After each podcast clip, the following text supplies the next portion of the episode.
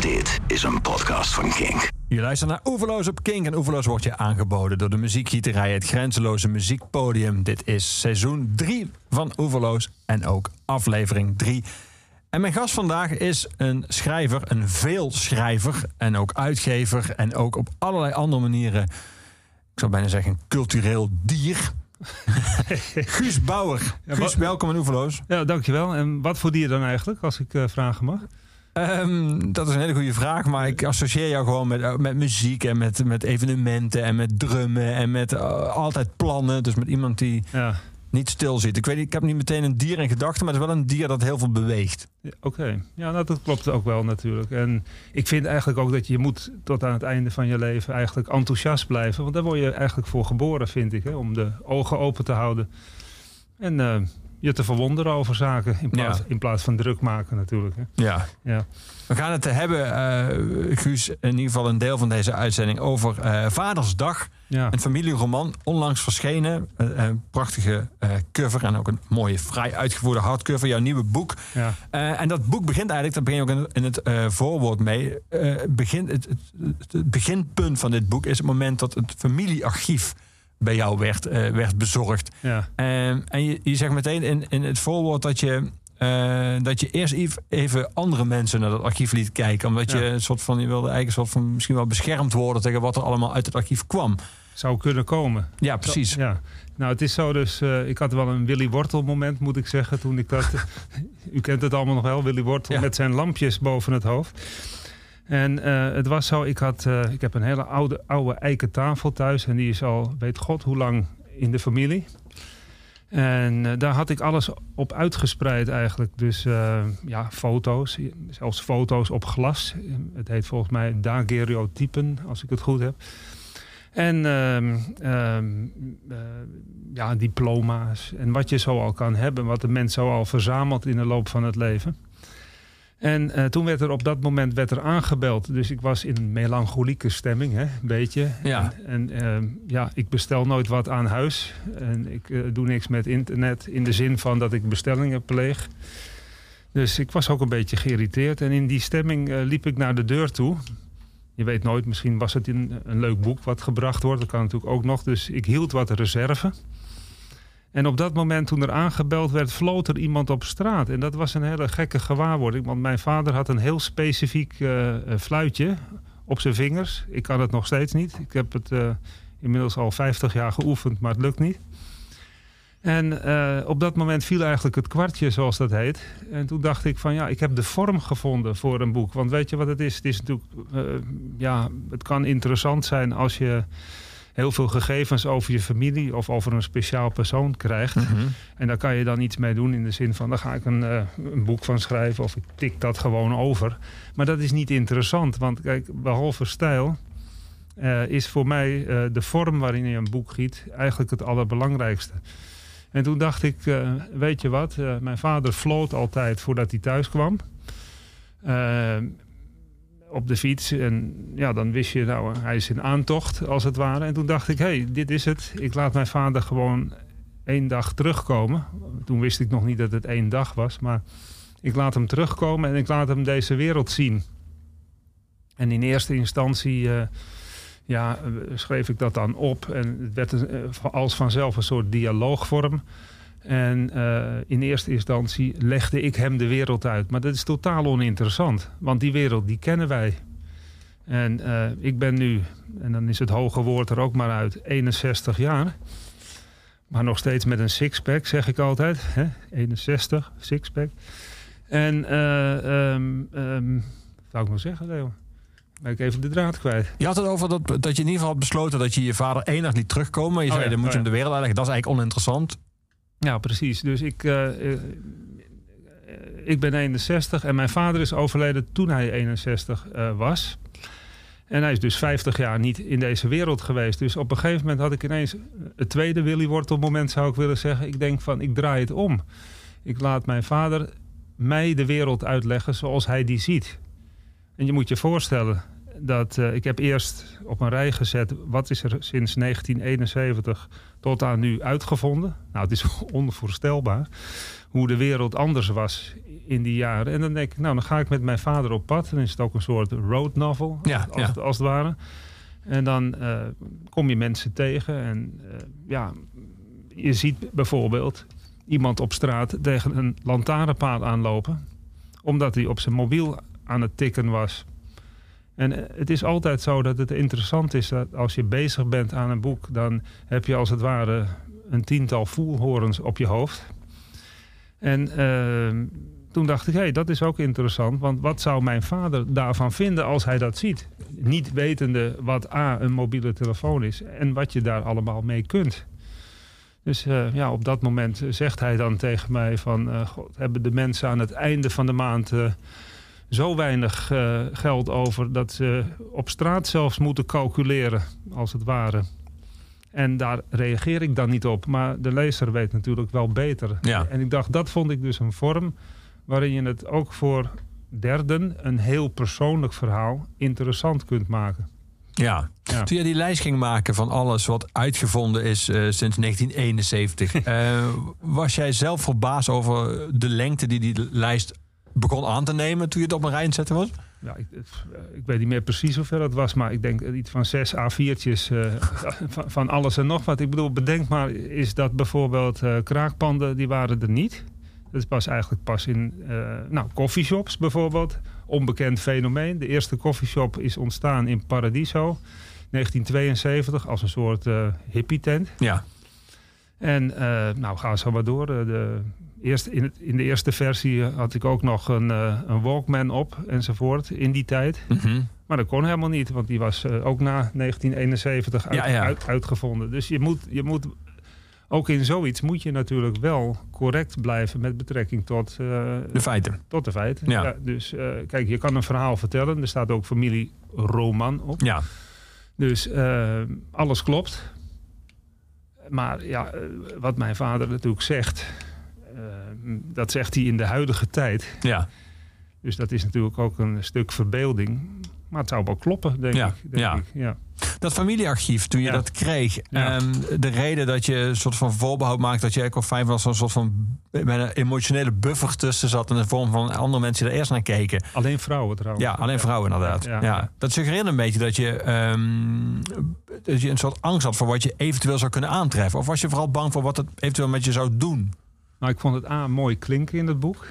Maar B, is het ook zo dat... eh, kijk, ik heb mijn vader, als je even de, de jaren des onderscheids... Nou, wat zal het zijn? Een jaar of drie of vier ben je. Dan weet je dat je in de wereld bent.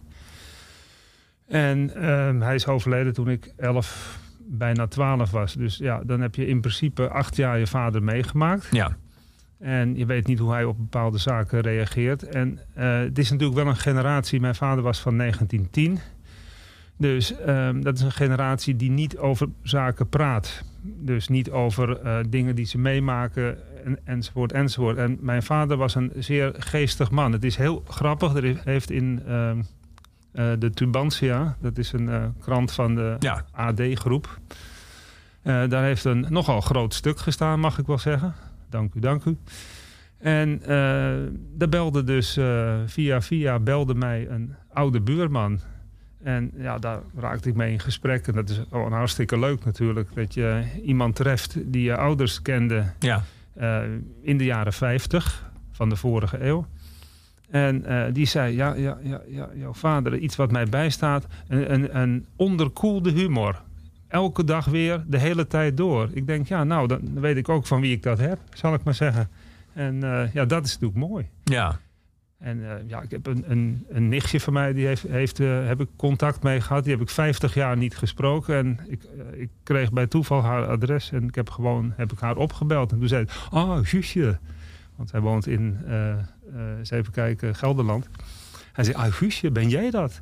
Ik zeg, ja, ik ben het. Alleen, ik ben inmiddels eh, 55 jaar ouder dan de Ja. laatste keer dat we, dat we elkaar gezien hebben. En dat is een prachtige Ja. gevolgen van zoiets. Dat, dat, die opmerking van die oude buurman, dat die onderkoelde humor Ja. je vader ze typeerde, waarbij jij zelf dacht van hey, dat, dat, dat, dat heb ik ook, dat ben ik ook. Ja, Dat, dat moment komt natuurlijk in, in het boek regelmatig terug. Ik, eh, citeer hier eh, vrij vooraan in het verhaal. Afgelopen zomer keek ik met ontbloot bovenlijf in de spiegel. Zag ineens papa's toch zo voor me. Het Ja. zomerhemd van de posterijen. Mijn borst was bleek, de armen half gebruind. En iets verder zeg je, de gelijkenis was frappant geworden. Ik was in hem opgegaan. Ja. Ehm, is dat iets wat je als eh, jonge man je niet kan voorstellen? Dat je uiteindelijk min of meer je vader wordt? Nee, vind je van niet. Eh, Kijk, je, hebt, je hebt allerlei nummers hè, van, eh, hoe heet het ook weer, je wordt oudere papa of zoiets. Ja, ja. Papa, ik lijk steeds meer op jou van ja, Stef Bos. die, ja, ja. die bedoel ik. En dit is iets wat... ik stond voor de spiegel in de badkamer. En ehm, ja, normaal ben ik van het ontbloot eh, buiten rennen in de zon, bij wijze van spreken. Maar goed, een mens wordt wat ouder en die draagt dan toch een hemdje met korte mouwen. En ineens deed ik dat hemdje uit en ik wilde me gaan scheren.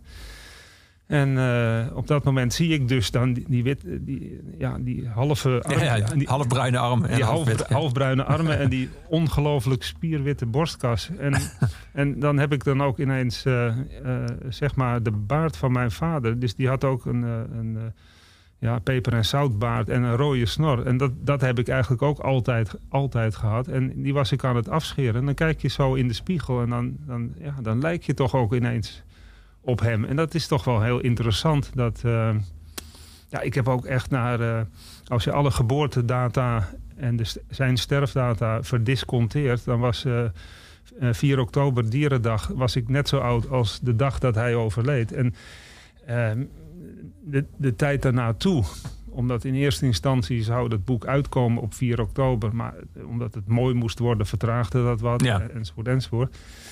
En eh, ja, daar werd ik best wel nerveus van. In de zin van, eh, zal ik het wel halen, weet je Ja? Dat ja. is een bizarre gedachte. En in die zin eh, leef je dan eigenlijk ook... eh, ja, eh, ja ik, ik, ik beschouw dus ook dit boek als, alsof ik met mijn vader... die even oud is, op stap ben. Ja, ja, Dat is een beetje een gekke gedachte misschien voor eh, de- luisteraar. Maar, ja.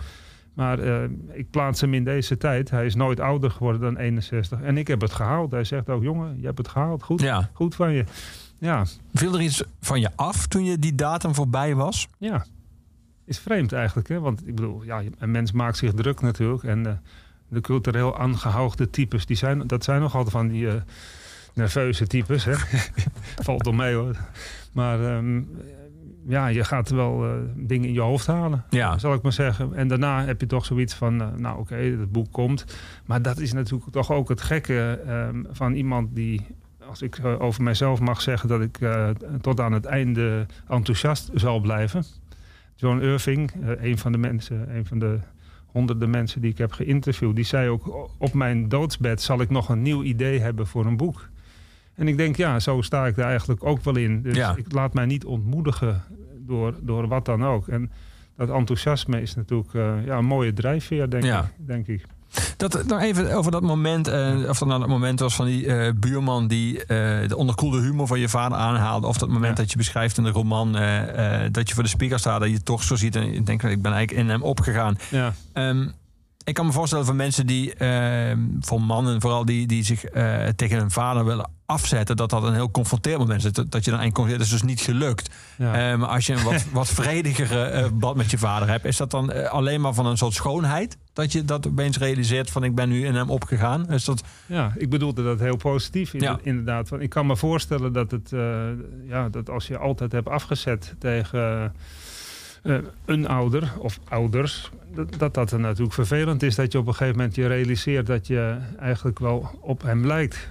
Of op haar lijkt, Ja. zou ik maar zeggen. Dat Mhm. kan ik me voorstellen. Maar in dit geval, ja, ik, ehm, ik, ik wilde eigenlijk een boek maken. En uh, Abdelkader Benali heeft het boek gelezen. En die heeft er echt iets moois over gezegd. In de zin van dat er doorkijkjes in zitten. Dat dus eigenlijk ook uh, op de raderen van mijn verbeelding ik dit boek heb geschreven. Maar dat er ook doorkijkjes naar schoonheid in zitten. En ik wilde nadrukkelijk, ook met dit boek, eigenlijk een soort... Uh, ja, het is uh, iets positiefs leveren, weet je. Dus het is natuurlijk makkelijk om over verschrikkelijke dingen en incest en weet ik veel wat te schrijven, maar het is allemaal niet aan de orde.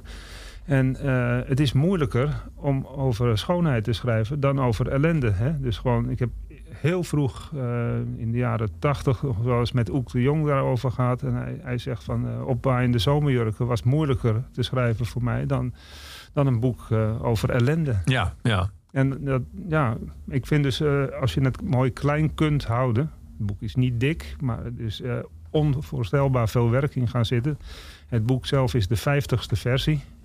Dus ik heb echt gewoon vanaf eh, januari en vanaf maart al helemaal natuurlijk, heb ik er veel tijd aan besteed. Ja. Om het steeds maar weer te scherp rechteren, als het ware. Dus gewoon, eh, en, en je bent natuurlijk jezelf je, je, ja, je zwaarste criticus. Dus eh, als het eenmaal voor jezelf goed is, dan, ja, dan moet je er verder ook niet, niks meer aan veranderen. Want er veel mensen die hebben gezegd van... ach, je moet het middenverhaal van je vader eruit halen. Anderen zeggen weer, je moet alleen dat verhaal gewoon vertellen. Eh, maar ik vond, ja, deze vorm... eh, Dat was voor mij gewoon. eh, ik wilde met mijn vader op stap. Ja, ik wilde ja. ei- eindelijk met mijn vader een keer. maar misschien verklap ik dan iets. Eindigen in een, in een kroeg. Ja, ja. Om samen een keer een bier te drinken. Want dat is natuurlijk toch wel iets wat, wat, wat opvalt. Is dat je natuurlijk bepaalde zaken in het leven met iemand niet hebt gedeeld. Nee. Nou, heel- in Ja. jouw geval eigenlijk best wel veel zaken, gezien Ja, de leeftijd. Ja, ja, ja. Ja, En dus dat je ook, eh, als je een nakomer bent en je vader is al wat ouder, dan heb je natuurlijk ook gewoon eh, ja, opa's, oma's, tantes. En ja, dat ontbeer je wel. En op, op een gegeven moment is dat, merk je dan toch. Dat is dan misschien het enige aspect van het boek. Dat ik dacht van, goh, eh, ja, ik mis dat, dat soort interactie mis je wel. Als je dat bij anderen hoort van mijn oma dit. dit en Ja. Met mijn opa doe ik dat. En met een tante dit. En met een oom dit. En dan, eh, ja, dat heeft iets van een soort eenzaamheid. Maar goed, eh, dat kan je altijd oplossen met muziek of met eh, het schrijven van een boek of zo. Ja. Maar het is geen therapeutisch werk, dat wou ik maar even zeggen. We gaan muziek draaien, Guus. Ja, ik ja. wil een nummer draaien dat waar ik aan moest denken tijdens het lezen van je boek. Ik draai de live versie op Broadway. Hier is Bruce Springsteen met My Father's House.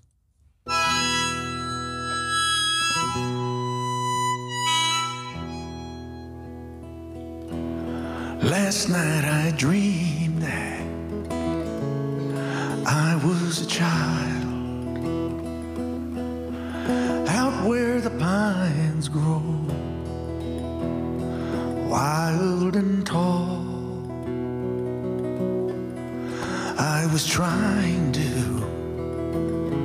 make it home through the forest before the darkness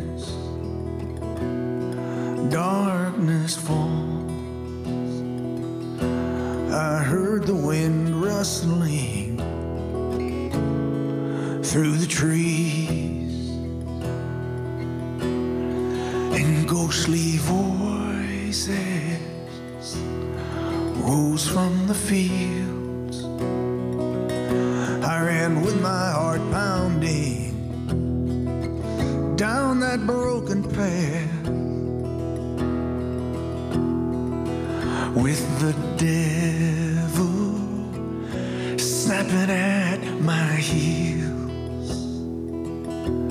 I broke through the trees and there in the night, my father's house stood shining hard and bright. The branches and brambles tore my clothes and scratched my arms.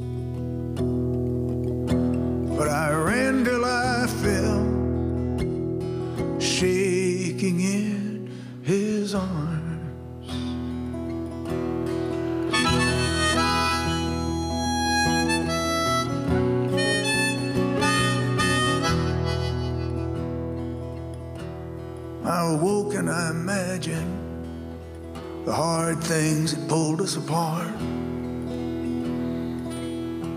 would never again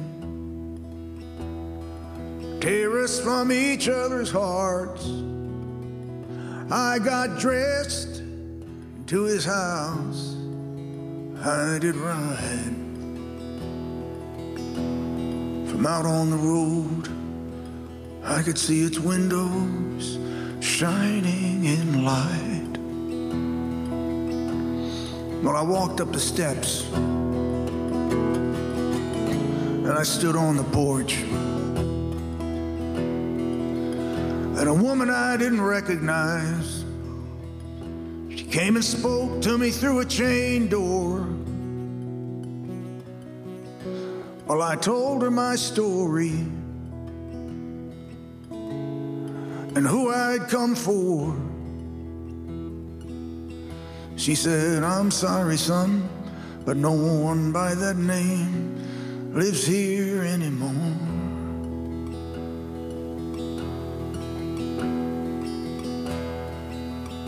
Well, now, those whose love we wanted but didn't get, we emulate them. It's the only way we have in our power to get the closeness and the love that we needed and desired. So when I was a young man and looking for a voice to meld with mine, to sing my songs and to tell my stories, well, I chose my father's voice. Because there was something sacred in it to me.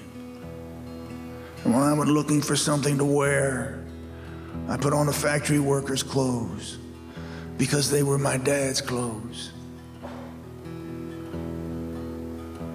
And all we know about manhood is what we have seen and what we have learned from our fathers. And my father was my hero and my greatest foe. Not long after he died, I have this dream. I'm on stage, I'm in front of thousands of people, and my dad's back from the dead, and he's sitting in the audience, and suddenly I'm kneeling next to him in the aisle. And for a moment, we both watched a man on fire on stage.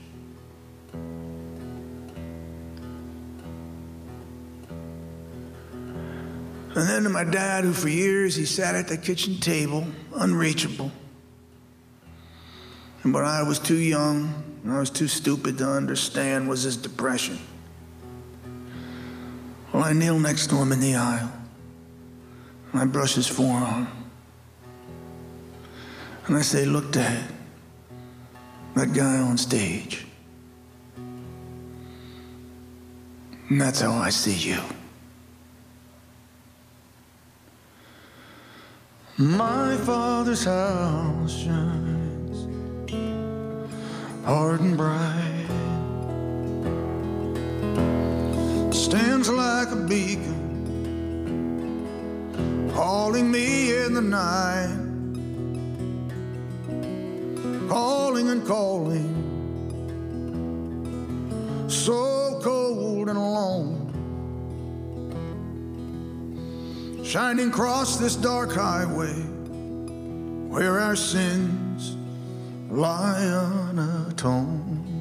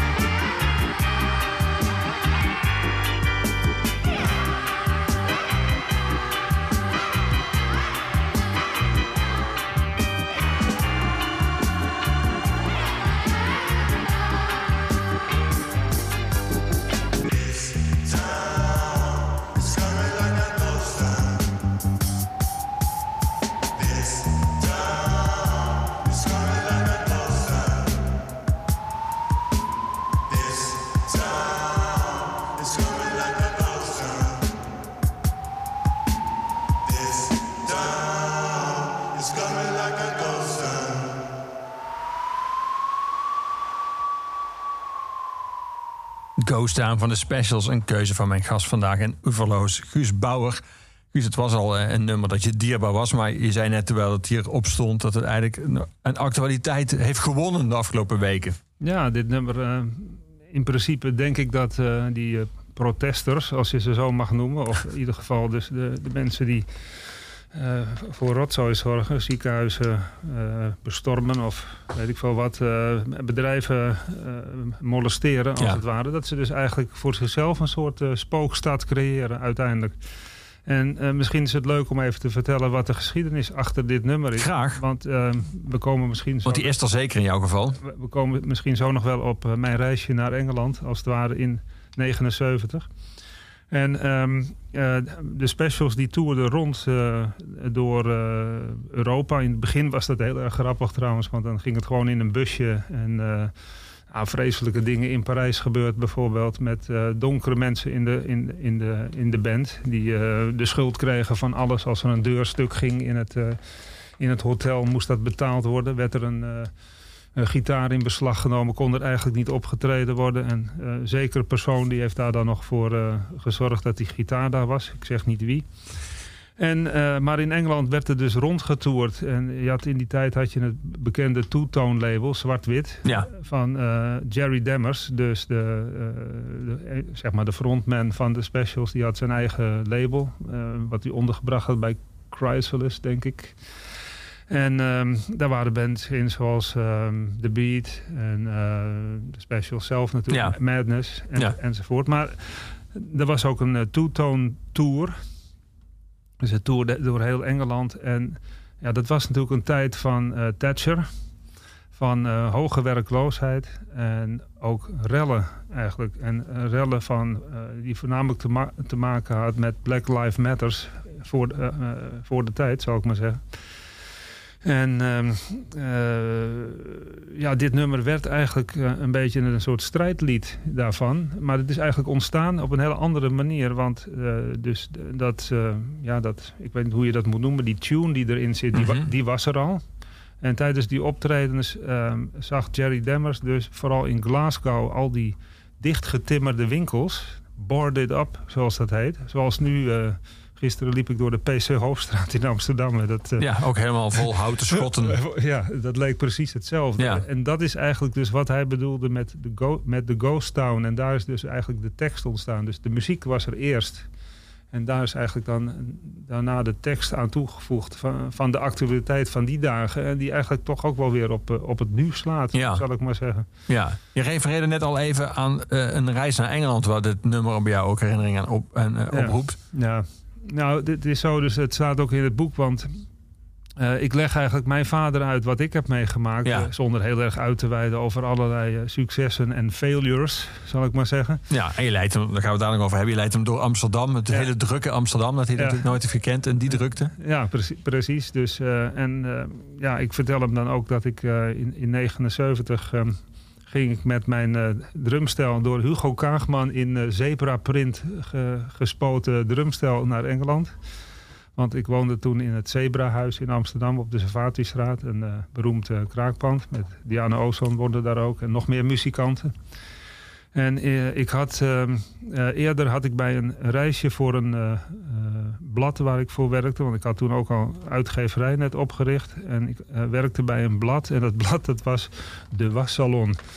Nou, dat was dus een blad wat speciaal verspreid wordt onder wassalons in Nederland. En toen was er in Birmingham was er een, een beurs voor wasautomaten.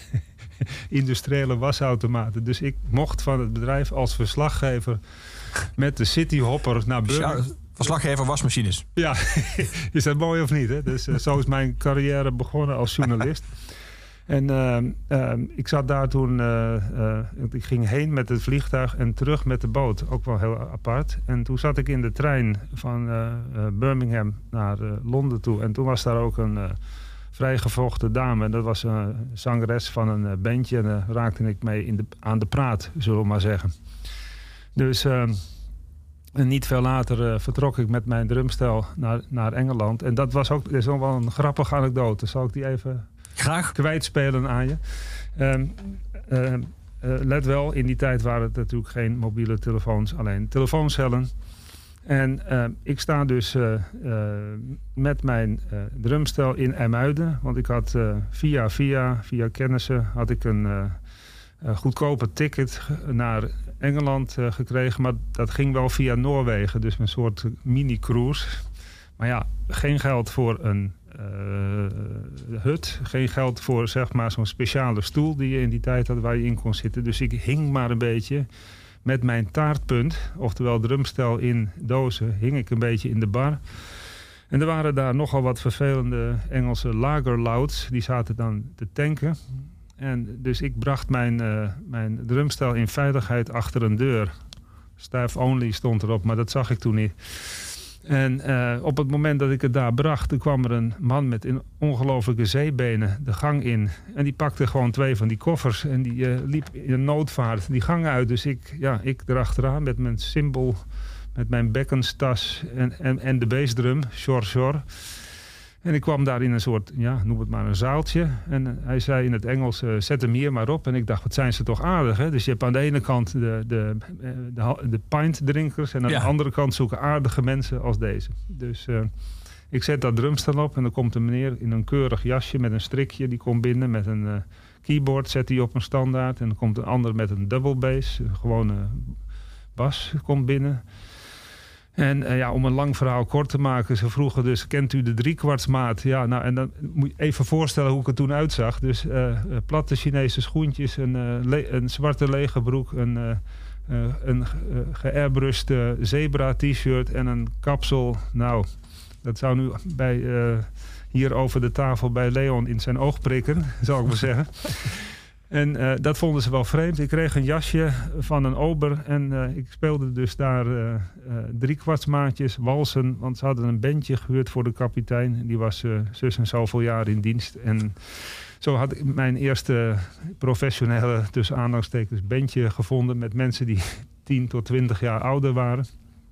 En hoe kwam dat nou? De drummer had afgezegd en de vervanger had letterlijk de boot gemist. En ik zat, o- ik zat op de boot met een drumstel, dus ze dachten dat ik het was. Dus, Ja. eh, terwijl ik ging dus echt voor eh New Wave naar Engeland. en ik heb met deze mensen, dat is wel echt heel erg leuk geweest, eh, zo af en aan. Ehm, ja, ik denk 30 jaar nog wel eens kleine dingetjes gedaan. Eh, eh, bijvoorbeeld eh, in het Rasa Sayang Hotel in Penang. Dat is in Maleisië. Eh, zes weken lang, eh, nou ja, dat soort eh, voor echtparen. Eh, het was wel grappig, want het was een Nederlands... Ook, ook met een vergelijkbaar repertoire, of niet? Eh, ja, eh, met vergelijkbaar repertoire, wat bedoel je? Dus eh, ja, drie kwartsmaat. Ja, precies. Ja, ja, Ja. dus walsen en dan had je ehm, daar eh, Franse en Engelse paren en Duitse paren. En die dansten dan erop. En die zanger die, eh, was Nederlands, dus die deed ook als schijntje... deed hij dan dus eh, bijvoorbeeld rond van borst in je togen zijn leverworst zingen. Heel serieus. En dan zat ik achter dat drumstel langzamerhand te exploderen van het lachen, zal ik Ja. maar zeggen. Ja, dat zijn mooie dingen. En zo kwam ik dus in Engeland terecht eigenlijk. ja. Je zei het al, je, Ja. je deelt in, eh, in eh, Vadersdag deel je eh, alles wat jij hebt meegemaakt en ook hoe, bijvoorbeeld hoe, hoe Nederland en Amsterdam eruit ziet met, met je vader.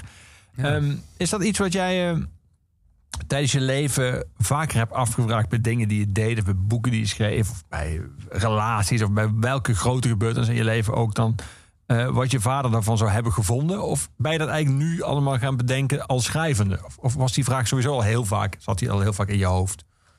Ehm, eerlijk gezegd eh, is dat eigenlijk eh, gewoon door het schrijven van dit boek gebeurd. Hmm. Dus het is, eh, om, je bent op een bepaalde leeftijd en in eerste instantie ben je bezig met leven, denk ik dan maar. Hè? Dus gewoon eh, een opleiding en eh, als je veel wilt. Ik zat op een internaat en daar is de drukkende keks ontstaan. Dus met Rick de Leeuw en Leo Kenter.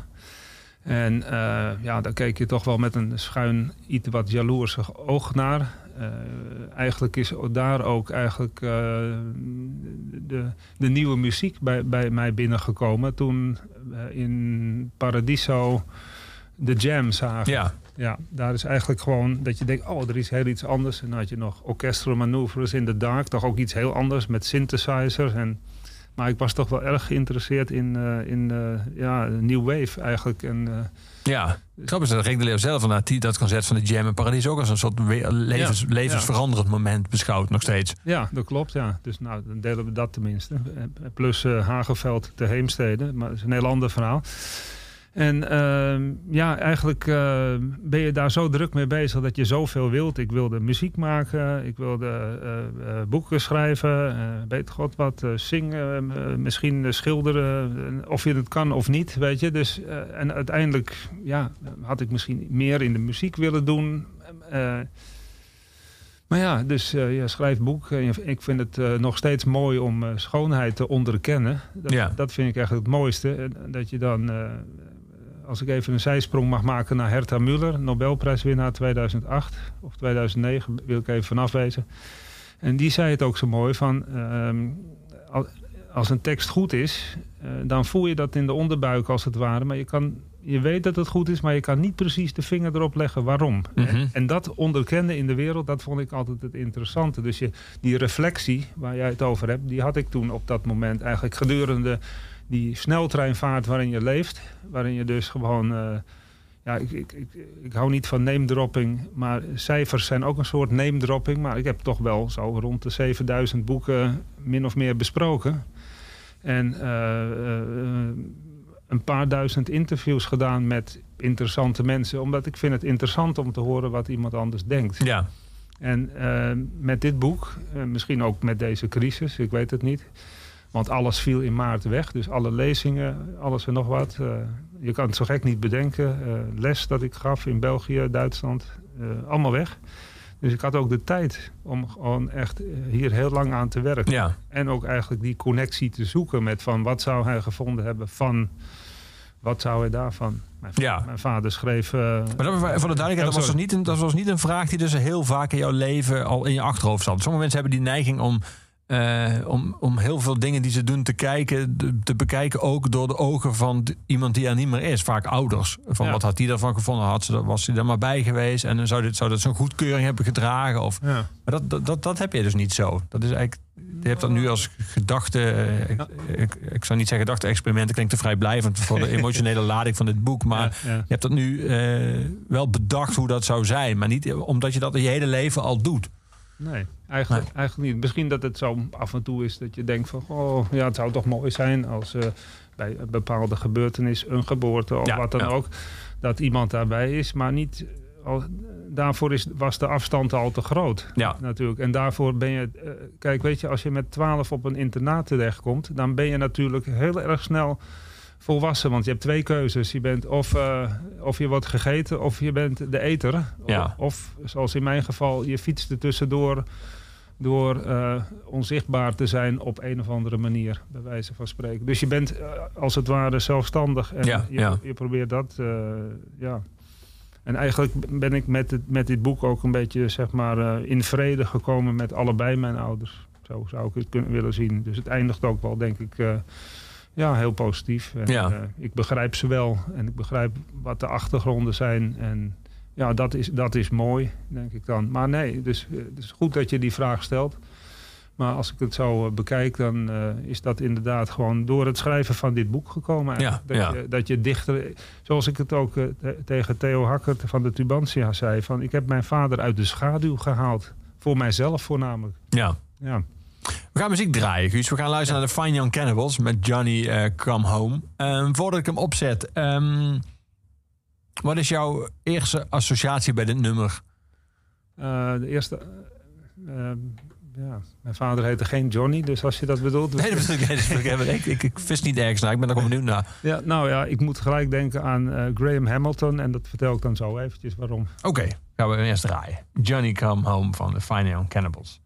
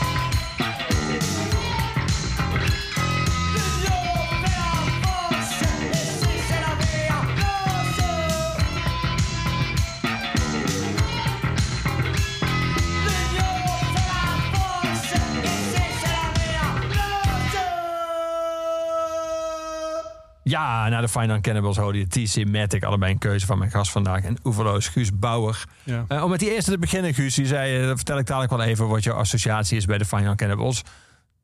Eh, ja, de Fine Young Cannibals eigenlijk ontstaan doordat er weer een aantal mensen uit de specials vertrokken. Ja, En er werd, god hoe heet die zanger, dat heb ik even opgeschreven, Roland Gift. Die werd toegevoegd. En ehm, vrij goede set. Ja, dat kan je wel zeggen, niet? Ja. Want hij had natuurlijk een eh, personality, maar ook een hele aparte stem. Ja. En moet ik zeggen, een hele grote mond zou ik willen Ja. zeggen. Ja, prachtig om te zien ook. En ehm, bepalend voor dat, voor dat specifiek dit nummer is het eerste nummer wat ze opnamen, eh, de eerste demo, demo ook.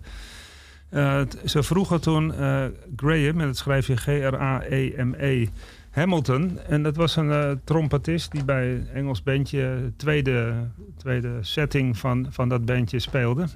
waar ik ook wel wat mee te maken had. En eh, ik woonde in die tijd bij eh, eh, Simon Culver wel in huis. Dat is een, eh, een Engelse ja, manager, zal ik maar zeggen, van eh, bandjes. En op een of andere manier eh, hadden ze hem horen spelen. En vroegen ze hem dus eh, om een beetje te freewheelen op die demo. En daar is eigenlijk, want karakteristiek voor dat nummer is natuurlijk die, die trompet Ja, ja. Hè? Dus eh, eh, met het ritme, met dat gitaartje... wat natuurlijk eh, lekker in eh 16 tekeer gaat. En dan die trompet daar, daar overheen. En ja, hij is wel een, een heel apart persoon. Want zijn vader was een, een beroemde saxofonist. Maar op latere leeftijd. Die heeft pas op zijn 72e zijn eerste LP gemaakt. Saxofonist, afkomstig uit Kingston. Nooit te laat voor een goed debuut. Nee, maar hij is, daarna is hij ook zelfs MBA geworden en alles en nog wat. eh, eh, eh, member of the British Empire. Hè. En die is als verstekeling in, ik ben 19, mm, nou weet ik niet precies, maar die, negen- 49 geboren en gewoon naar Engeland gekomen als verstekeling notabene. En in Birmingham terechtgekomen. En wat ik net al even tijdens de muziek tegen Leon zei is dat er in, in die tijd in eh, dus zeg maar 79 tot en met eh, 83 in, ehm, in, in Birmingham zo'n echt een aparte scene was van alle muzikanten kenden elkaar en eh, Graham heeft daarna ook nog bijvoorbeeld eh, gewerkt met de Beat en met eh, eh, de Special Beat, dus die daarna weer ontstaan Ja, is ja. Uit, uit verschillende leden, maar ook met UB40 die eh, daar rondliepen en Ellie Campbell die had een eigen eh, label. En eh, weet je, het, eh, het, het mengde allemaal met elkaar. En dat was zo ongelooflijk interessant. eh, eh, en daar ontstonden dus dit soort prachtige nummers. Want dit was gewoon de eerste nummer wat ze maakten. Ze hebben ongeveer zes jaar bestaan. En hij is ook zes jaar bij die band betrokken geweest. Maar er is één ding wat ik heel mooi vind. Want in de tijd hadden we dus de plannen om ook nog een apart bandje iets mee te gaan doen. En de, de naam hadden we ook al. Want dat is wat Graham altijd zei. Als hij ergens geen zin meer in had, zei hij end of chat. En dat was het dan. En dan liep hij ook weg. En eh, dat is zo prachtig. Dus ik denk, een prachtige naam voor een band. Dus eh, die wil ik graag nog eens een keer proberen te realiseren. End of chat. Ik vind het zo eh, een geweldig einde van een conversatie. Dat kun je altijd gewoon... Ja, Eh, dus, eh, het is net geen dooddoener, maar, maar het is toch wel klaar. Ja, precies. Ja. Zou ik maar zeggen. End of, end, end of chat. Nou ja, en daarna draaide je op, op mijn verzoek eh, Arno Hintjes met, Ja. met de TC Matic. Ja, ge- geweldige live performer vind ik. En dit nummer, eh, dat swingt ook eigenlijk de pan uit. Maar het is toch eh, ja, alternatief, lekker. Ja, ja, Ja, geweldig. ja. En zo zijn er ook wel meer eh, bands eh, Engeland, in, eh, in eh, België natuurlijk de Scabs. eh, Nederlandse bands natuurlijk ook. eh, laten we die niet onderschatten. Guus, in jouw Ja. boek, eh, als je een van de fotoalbums opent... eh, en die foto's overigens die in je albums ehm, aantreft... die komen in het boek de hele tijd terug. Er staan heel veel foto's in. Wat ook wel Ja. bijzonder is om... Ik zat eraan te denken, toen, je schrijft even ook dat sommige foto's natuurlijk wel een beetje beschadigd zijn. Of een, een deel van de foto's is aangetast door de tand destijds. Eens hebben ze staan pronken op een dressoir, op een piano met een kleedje. Eh, ik dacht, toen, ja, natuurlijk, dat, is natuurlijk ook, dat, dat zul je ook daar niet meer hebben. Alle foto's hebben natuurlijk nu digitaal. En die blijven natuurlijk ook allemaal even goed. Je Ja. hebt dit, dit verkleurde foto's met randjes of zo, dat bestaat daar gewoon natuurlijk niet meer. Nee, het was mooi. Ik denk, wat verwoordt hij dat mooi, die Leon? Maar hij leest iets uit het boek voor. Ja, Dat- ik- ja. Ik, eh, dat valt meteen op dan, hè? Ja, gewel- geweldig. Nee, maar eh, eh, ja, foto's in het boek. Dat is, weet je wel, vaak zie je dan ehm, een katerntje middenin, of twee of drie katerntjes, eh, prijstechnisch natuurlijk, eh, met betrekking tot boeken, Ja. zie je dan eh, op mooi fotopapier foto's afgedrukt. Nou, ehm, ik heb met de uitgever hebben we daarover over gesproken en wij zijn het altijd vrij snel eens. Want het is Arthur Hoogland van Hoogland en van Klaveren... die heel veel prachtige kinderboeken ook maken. En daarnaast veel klassieke literatuur. En eh, hij zegt, ja, ja, ja, ja, Guus, dan komt hij weer met een boek. Maar ik ben eh, helaas verslaafd aan je. Dus eh, we gaan het boek doen. was ook wel mooi, want ik had, donderdag had ik hem de tekst gegeven. En maandag hebben we dat afgerond. En dat is in deze tijd natuurlijk uiterst bijzonder. Ja, ja. En we waren het over eens dat die foto's in de tekst moesten. Kijk, weet je, Ja. je kan die foto's heel mooi afdrukken op fotopapier. Maar de foto's staan door de tekst heen. Ja. En, en dat geeft denk ik nog een apart eh, karakter aan het boek. En er staan geen ondertitels bij. Nee. Waarvan je terecht net opmerkte, anders heeft het een journalistiek karakter. Maar nu lees je van of lees je naar de foto eigenlijk toe. En dat eh, ja, versterkt voor mij gewoon het idee. Ehm, dat maakt een hoop eh, dingen duidelijk. Want ik bedoel, oké, in het begin is het boek misschien een klein beetje eh, meanderend. Maar dat is natuurlijk het effect van als je samen op stap gaat. Als je aan het lopen bent, zie je verschillende dingen. En er komen verschillende herinneringen komen naar boven. Het blijft een persoonlijk boek. Maar eh, ik denk dat mensen wel hun vader kunnen herkennen. En dan kan je ook Ja. naar aanleiding van een plaatje zien van hoe, hoe of wat. Hoe ziet iemand eruit? En ja, wat, eh, nou, ik vond het bijvoorbeeld fantastisch om te zien hoe eh, een, eh, een, een, een groot warenhuis van mijn opa eruit zag. En, en dat hij ook de helft van de kroeg die ernaast zat bezat. Ja, dat vond ik wel hele interessante informatie. Ja, ja. ja. Je hebt net een paar keer gerefereerd aan de dingen van je. En ik vroeg er ook na naar overeenkomsten tussen jou en je vader. Je beschrijf je als je even de fotoalbums openslaat. die voorheen waren weggesloten in mama's dekenkist, zoals je het schrijft. En als je het over die kist merk je daarover merk je op. Daar stond de tv open, het stereo-setje, de mini-huisjes, fotolijst en een verzameling klein koperwerk. En natuurlijk de tabaksdoos, de luciferhouder en het sigarenpijpje van papa. Er was geen sprake van dat ik ook maar een moment iets aan die opstelling eh, mocht veranderen, zelfs niet tijdelijk. Er was te veel heisa aan haar hoogbejaarde lijf. Eh, het verleden moest rusten, zei je moeder dan. En ik Ja. ook. ja. Heb, je, heb jij dat dan bijvoorbeeld ook? Heb je ook dingen van je moeder? Dat bijvoorbeeld dat jij merkt bijvoorbeeld in jouw huis... dat daar, om iets te vernoemen... dat dat dingen een vaste plek hebben... en dat die ook die plek moeten houden? Of heb je dat helemaal niet? Ik lijk meer op mijn vader. Hm. Denk ik, als ik het zo mag zeggen. Hoewel ik het wel ehm, wat lastig vind als eh, schilderijen ineens op een andere plek hangen. Maar goed, dat, is, dat heeft iets met ooghoekzicht te maken. Als je aan het tikken bent bijvoorbeeld, dan wil ik wel graag dat het hetzelfde blijft. Maar nee, dat, bedoel, Als je zit te werken aan een boek... dat je Ja. vanuit je ooghoek iets ziet... en opeens als er iets anders hangt... dan Ja. is het beeld verstoord. ja, Ja, dat mag niet. nee, nee, nee, maar goed, de, de een die heeft een, eh, schrijf, een, een, een, eh, een, eh, stofzuiger aan. Hè, zoals Vestdijk als hij aan het schrijven is. Ik heb dat allemaal niet. Dus het, mensen mogen om me heen kwebbelen, tetteren, muziek.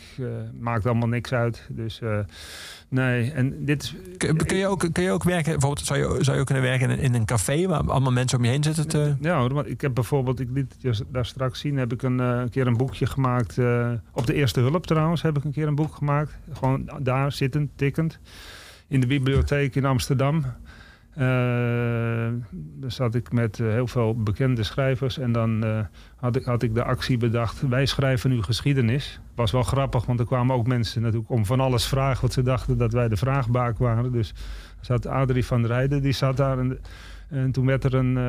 een, ehm, ja, een zwak begaafde jonge man gedeponeerd. En die mevrouw die wilde even de bibliotheek rond. En toen zaten Adrie en ik zaten dus met deze jongen.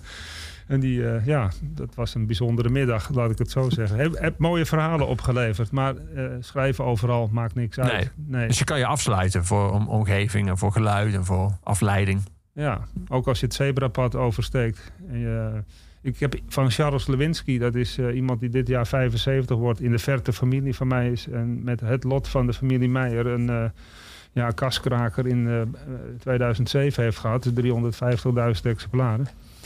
Daar heb ik één ding van geleerd, namelijk dat eh, eh, als iets goed is, komt het vanzelf wel weer terug. En vroeger liep ik op straat en dan stak ik gewoon over en denk: Oh, dit moet ik even opschrijven, want dat moet op pagina 17 van hoofdstuk 3. En dat heb ik al lang niet meer. Dus dat is wel heel rustgevend. Dat Maar toen, toen was je nog bang dat je het, als je dat dan nu niet zou opschrijven, daar, dat, je, het- dat het kwijt zou zijn, dat het verloren zou raken. Ja, en dat is, eh, om nog eens een naam te noemen, Graham Swift, die zei dat zo, zo mooi. Die zegt van, op het moment dat je een paraplu bij je hebt, dan, dan regent het niet. Dus eh, hij neemt ook nooit meer een pen en papier mee. Want als je het bij je hebt, dan komt er niks. ja. Zo zie, en het is ook een, het, is het proces van, eh, wat ik interessant vind, is dat... eh, ik, schrijf, ik schrijf met een pen de, Mhm. de eerste versie. En dan is zo'n pen eigenlijk een soort bliksemafleider van dat doldraaiende hoofd. Dus je hebt wat meer tijd nodig om iets op te schrijven dan iets met tien vingers te tikken. Ja, Dus eh, wat dat betreft eh, is dat ook een fijne methode om eh, rust in een stuk tekst te krijgen. En gewoon, eh, ja, zodat het geen Wikipedia-boek wordt, noem ik dat Ja, altijd. ja. Weet je, met kijk eens hoeveel ik weet. Dat vind ik altijd verschrikkelijk in boeken. Dat hoeft allemaal niet, weet je. Dus kennis hou die als een ijsberg onder. En schrijf alleen de bovenkant en laat de mensen zelf maar onder water turen, ja. als het ware. We gaan muziek draaien, Guus. Een eh, nummer van een band die jouw eh, eh, geliefde heel erg goed vindt. Franz Ferdinand. Jij inmiddels zelf ook? Of altijd al? Ja, altijd hadden. Ja. Zullen we Take Me Out doen? Een oudje? Ja, lijkt, een grote hit van de debuutplaat. lijkt me goed.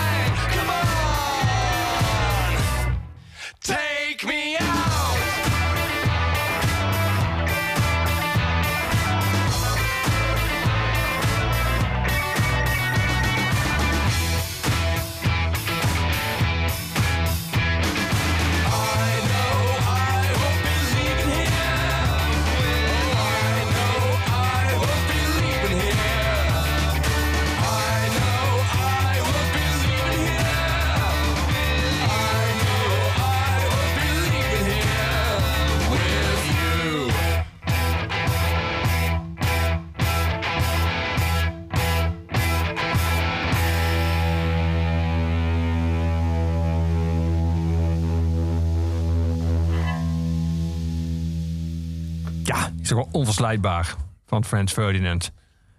Lekker? Ja, past ook mooi bij die TC Matic. Ja. ja. Ja, ik zag er even mee luchtbassen terwijl je luisterde. Hoe is het met jouw eh, eigen muziek maken? Hoe, is het met de, hoe staat de drumstijl bijvoorbeeld erbij en huizenbouw? Eh, nou, in huizen bouwen niet, want dan zouden de mensen in de buurt gek worden natuurlijk. Maar eh, ik, heb, ik, heb, eh, ja, ik heb een ruimte, er staat een drumstel in. Maar ik ben, tegenwoordig ben ik eh, geminimaliseerd. Kijk, vroeger was het zo, ik begon met eh, zelfbouw eh, drumstel, zal ik maar zeggen. Dus gewoon in het kolenhok thuis ehm, had ik een oude koffer. En het eerste wat ik heb aangeschaft was een baspedaal. Eh, want dat kan je moeilijk namaken. Mhm. En nou, die koffer was dus de bassdrum. En ik had wat pannen en potten, letterlijk. En mijn vader had een, van een zure bommen blik... had hij dus met een oude autoband bespannen. En eh, ja, dat, eh, dat was dan mijn eh, tom.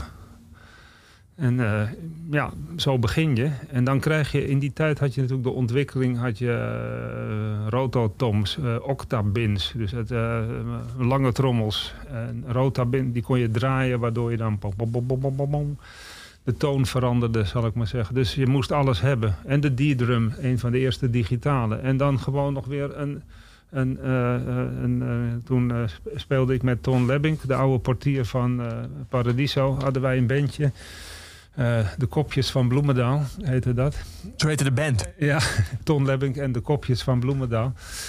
En, en zo hebben we veel namen gehad. En eh, ehm, ja, dan had ik ook een Simmons drumstel. Dus ja, er gingen kapitaal in, wil je niet weten. En eh, tegenwoordig heb ik een, eh, een snare, een bassdrum, een hi-hat en één right backen. En zo ga Punt. Dat was het. Punt. Ja. En het liefste speel ik eigenlijk op een cajons. Zelfbouwcajon. Dus dat is zeg maar een ja, drumbox Ja. waar je op zit. En dan kan je verschillende geluiden uithalen. Dat is een uitdaging. Om op, op dat moment moet je uit, eigenlijk uit één instrument... in plaats van dat je dus een variatie kan krijgen... uit verschillende trommels, bekkens, enzovoort, enzovoort. En moet je dat uit één ja, stuk hout eigenlijk zien te krijgen. Ja. En dat is leuk. Maar is dat eh, ook een beetje het idee als je gewoon ergens iets nieuws begint? Dat heb je ook bij bands en studio's. Dat, je, dat, dat eh, als ze eerst naar een grote studio komen, dat ze denken: eh, meer is beter. Ja. Dat je dan mensen ziet: oh, dat knopje, dan kan dat effect. Oh, dit nog erbij, dit nog erbij. En dat je even leert van: het hoeft allemaal niet. Eh, Nog een leuke anekdote wat dat betreft. Dus eh, ik heet eh, Guus Bauer. Hè? Dus op een gegeven moment in, in een studio in Amsterdam, ergens bij het uh, Muidenpoortstation. En ehm, daar zouden wij gaan een, een opname gaan maken met een ander bandje. Nadagen heette dat, geloof ik. En ehm, ehm, nou, dat was duidelijk wel een beetje punkachtig, new wave eh, georiënteerd. En toen kwamen we daar en toen stond daar toch een opstelling, zo wil je niet weten, voor zangeres. eh, Voor, maar had mijn naam eh, v- verkeerd. Hij dacht dat George Baker kwam. Want die heette het echt eh, George Bouwman, Bauer, zoiets toch? Ja, dus eh, ze dachten dat... en wij kwamen met z'n- drieën aan. En eh, nou, het was niet normaal wat er allemaal stond. En ja, zo denk je dan van, eh, ja, strijkers, eh, alles stond klaar, bij wijze van spreken. Maar eh, wij kwamen met z'n drieën. Dus ik denk dat... weet je, naarmate je met schrijven geldt dat ook, denk ik. Ik word steeds, ja, het wordt steeds, ik wil niet zeggen kaler, maar het wordt wel steeds meer dat je bezig bent met het overbrengen van emoties. Want als je dat niet kan, dan eh, kan je beter het schrijven laten, denk ik. Eh, over eh, literair werk dan. Ik heb het niet over Ja. non-fictie Nee. natuurlijk. Ja. Dus, Je beschrijft op een gegeven moment, als je het hebt over dat je je vader wil vertellen hoe jouw leven eruit ziet, dan kom je uit bij een voorval in café in het Bolwerk. ja, Dan zeg je, daar is dat caféwerk, ik moet er nodig weer eens heen. ja. Ehm, waar je je vader voorstelde, een jaar of 19, in een hoekje van een café zittend, verdiepen in de krant met een, met een, gla- een glaasje, aan een glaasje. Ehm, als we het hebben over alles wat we nu missen in deze tijden, alles dat dicht is, of dat gesloten is, of dat niet doorgaat, Mm. staat het café dan hoog bij jou? Eh, specifiek dat café? nee, gewoon, nee niet, niet echt. Ik vind wel dat bijvoorbeeld restaurants die het heel goed regelen, zou je op zich wel open kunnen doen. Je kan natuurlijk eh, bij boekhandels, want eh, alleen in Nederland is dit het geval, die zijn dicht. Maar dan zou je wel een afhaalloket Ja. kunnen, kunnen creëren in de deuropening desnoods. Weet je, want dat vind ik toch wel een beetje vreemd dat daar niet op gereageerd wordt. Dus ook bij deze nog die oproep. Eh, maar wat mis je echt? Ik mis bijvoorbeeld echt dat ik... eh, ik ging regelmatig naar Londen toe om wat mensen te zien uit vroegere tijden. En ook eh, schrijvers. Ik mis eh, gesprekken met eh, internationale schrijvers... die naar Nederland kwamen in het ambassadehotel bijvoorbeeld. Ja, Dat mis ik echt, dat je gewoon dat contact hebt. Ehm, ja, dat was niet te vervangen met Zooms en Teams en online. Nee, het is heel gek, maar als je samen met iemand zit, zoals hier in de studio bij Kink FM, dan heb je toch een hele andere ervaring dan dat ik dus via de telefoon met jou aan het, Ja. aan het, aan het kletsen ben. En ehm, als je tegenover iemand zit, dan kan iets ontstaan. En ik denk dat dat eigenlijk gewoon ook, ehm, ja, dat is iets waar ik met plezier op terugkijk. Dat is het feit dat ik dus gewoon, als ik mensen interview, dat ik dus da- daadwerkelijk geïnteresseerd ben, mij goed voorbereid heb. Dus ik had bijvoorbeeld bij de al eerder genoemde Graham Swift, had ik dus tijd, heb ik al zijn negen romans gelezen. En dat is natuurlijk wel grappig als je dan iemand ondervraagt over zijn eh, nieuwste boek. Eh, dat je dus dan wat verbanden legt. En Ja. dat, dat iemand dan heel verbaasd is en dan zegt... nou, nu gaan we lunchen en we gaan eens even een lekker glaasje erbij drinken. En zo is eigenlijk die vriendschap ook ontstaan. En zo heb ik dat met heel veel mensen. En die, mensen, Mhm. en die mensen die mis ik.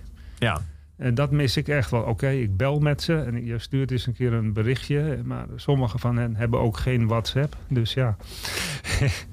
dus, eh, en soms zelfs helemaal geen, eh, geen internet. Dus ja, ik vind dat een groot gemis. ja. Dus een café is leuk en aardig. Maar dat- kan je gebruiken om daar af te spreken. Bijvoorbeeld Eik en Linde in Amsterdam. geweldig café om met mensen af te spreken voor een interview. Met lekker veel geroezemoes eromheen. Ja. En ja, dat wel.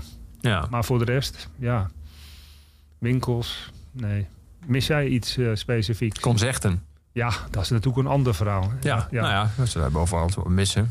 Ja, dus eh, nee, festivals. Nou, ik ga niet naar festivals, maar ik vind eh, concerten, Paradiso bijvoorbeeld. Ja, ik, ik, ik heb zoveel in Paradiso. Ja, en wat ik bijvoorbeeld heel erg heb gemist is... ehm, ik heb vanaf het begin in, in Paradiso bij de beurs kleine uitgevers... die tegenwoordig heet beurs bijzondere uitgevers... het programma gedaan, het, eh, programma eromheen. En dat was dit jaar dus voor het eerst... ik meen in 43 jaar niet is één keer eerder gebeurd, ik weet niet meer precies. Maar eh, ja, dat is toch wel heel gek. Ja, Dat je dat, je dat mist. dat gaten vallen en eh, tradities ook. Want ja. dat, is, dat is wel heel grappig. Dus ik presenteer daar het langstlopende programma in Paradiso. Dus eh, ja, al 43 jaar. ja, En dat, dat mis je dan. ja. We gaan naar de Killers luisteren. Een keuze voor jou. Maar eerst, ik begon net over, denk, dan moeten we ook die man draaien. Waar ze die avond op gerekend hadden. En toen kreeg ze Guus Bouwer, maar ze wilde eigenlijk dus deze.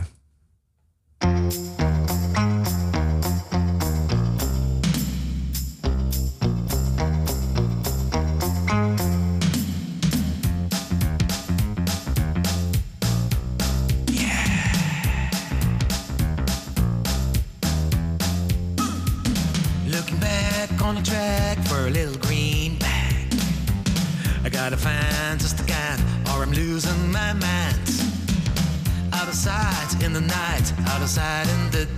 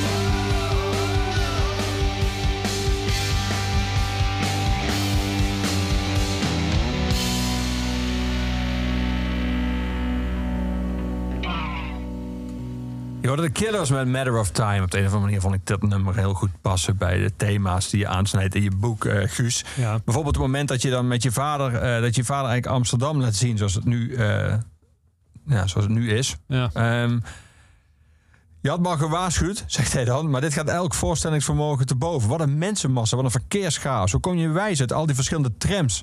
Ik zie bestemmingen die ik helemaal niet ken. Amsterdam moet minstens tweemaal zo groot zijn geworden de afgelopen 50 jaar. Eh, dan zeg je tegen je vader, kom, we moeten hier even oversteken. Bijna bezorgd, omdat natuurlijk van alle kanten alles op hem afkomt eh, qua verkeer. Ehm, wat is jouw verhouding met die stad inmiddels? Eh, nou, ik ben er geboren. Daarom vraag ik het. Dus ehm, dat, is, dat is één. Maar ja, ik woon nu in de Zaanstreek. Dus ehm, ja. Wat is mijn verhouding met de stad? Ehm, ik moet toch wel zeggen dat ik eigenlijk... eh, kijk, mijn vader kwam uit Enschede. en mijn moeder uit de bu- buurt van Didam. Dus misschien ben ik toch eigenlijk meer een eh plattelandsjongen dan eh, iemand in de stad. Ik heb natuurlijk ook in Heemstede op school gezeten. Dus ja, ik had ooit, denk je dan, van... ehm, ja, ik ben er geboren en ik ga er dood, weet je wel. Dus eh, er is een eik uit Amsterdam, nou een klein eikje dan, uit Amsterdam eh, geveld. Maar Ja. maar ja, daar ben ik wel vanaf. Ik zou bijvoorbeeld heel graag in Maastricht willen wonen.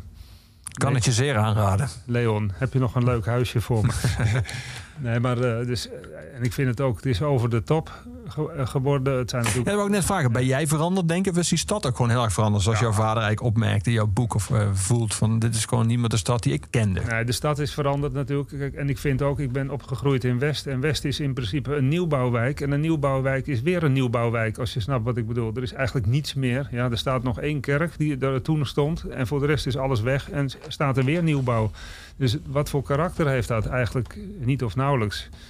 En eh, Amsterdam, dat zijn natuurlijk allemaal verschillende dorpen. Je ziet dat de baarsjes eh, uitgroeit tot iets heel anders. Je, je ziet het gewoon heel erg veranderen. Maar ik ben zelf ook veranderd natuurlijk, eh, logischerwijs. eh, en ik heb ook eh, in het buitenland gewoond. Ja, je hebt heel lang in Tsjechië gewoond. Ja, bijvoorbeeld. 16 jaar. Nou ja, af en aan. Dus ik bedoel, Ja, ik- oké, maar... dus ik bedoel, ik woonde hier, maar gewoon ook daar natuurlijk. Ja, En, eh, mis je dat? eh, ja, want dat was natuurlijk heel anders. Want ik leefde daar eigenlijk eh, ver voor, voor eh, dat het modern werd, leefde ik daar als eh, een soort self-sufficient en zelfvoorzienend. We houden het bij het Nederlands.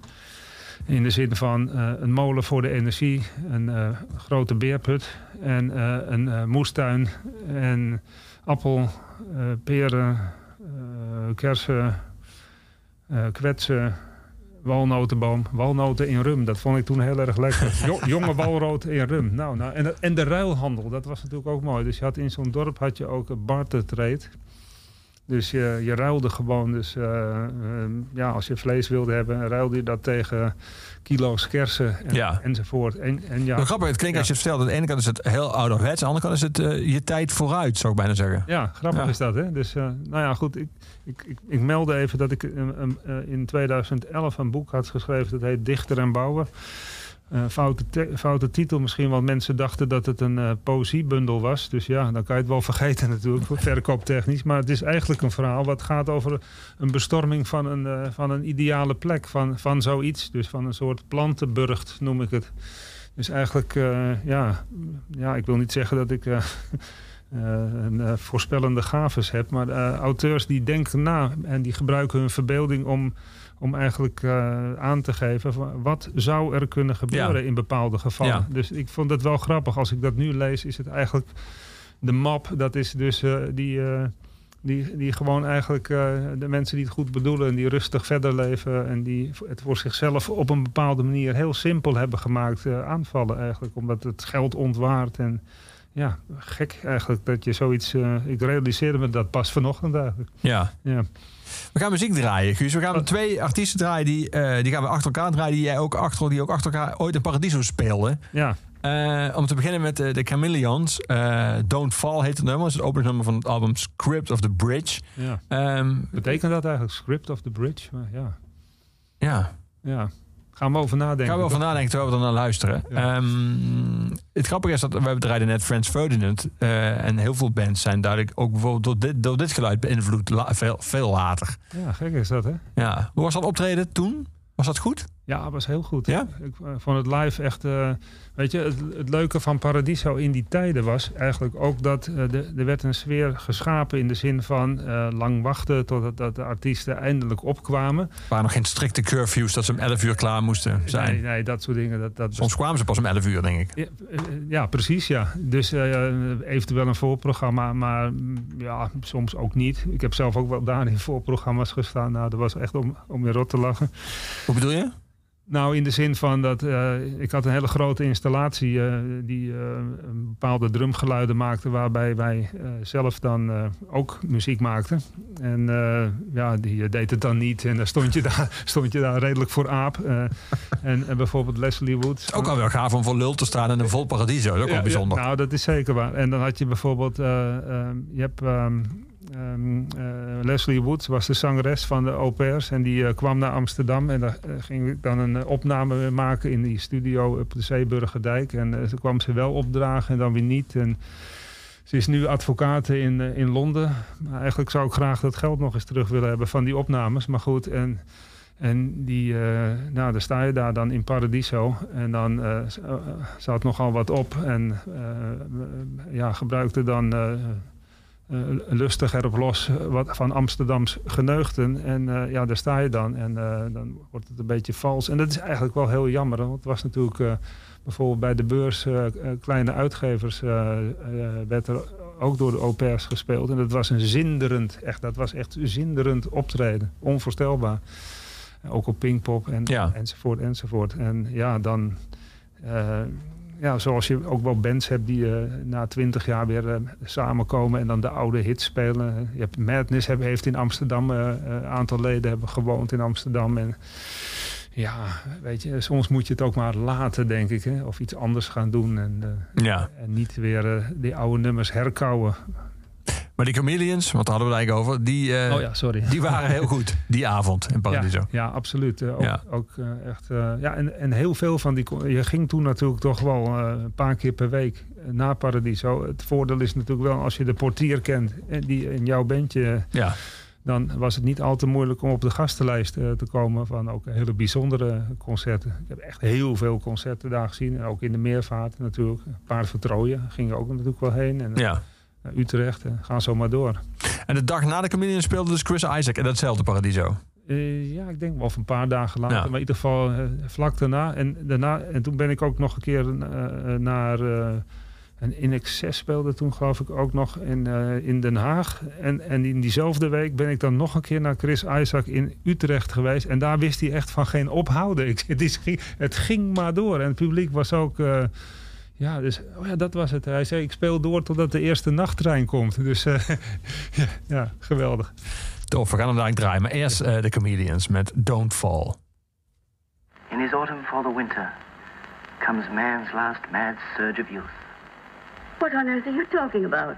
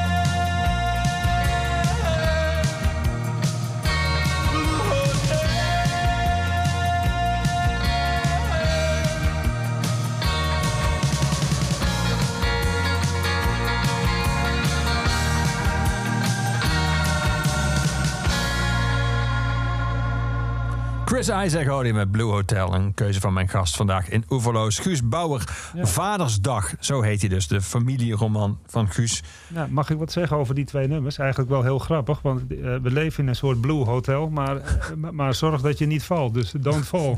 ja. ja. Fijn dat je er was vandaag, Guus. Dank je wel. Oké, graag gedaan. Vadersdag ligt nu in iedere boekhandel. De boekhandels zijn dicht, maar je kan ze gewoon online bestellen. En ze gaan op een gegeven moment ook eh, gewoon open. Ja, en daarnaast kan je ze gewoon bij mij gesigneerd eh, krijgen. Ook dat nog. Dat, dat kan natuurlijk ook. Nog makkelijker. Ja, op jouw site? Nou, dat, dat, dat heb ik niet, maar gewoon eh, als je Guusbouwer59 at gmail, eh, stuur mij gewoon maar een mailtje en ik eh, stuur het op hoor. Oké. geen probleem. Dankjewel, Guus. Ja. Ehm, je bent aan het einde van Oeverloos. Het laatste woord van iedere Oeverloos is onze postuum huisdichter Luc de Vos. Dus het laatste nummer is van Gorky. Ik wil wel nog zeggen dat deze oeverloosje, zoals alle andere oeverlozen, werd aangeboden door de muziekgieterij, het grenzeloze muziekpodium.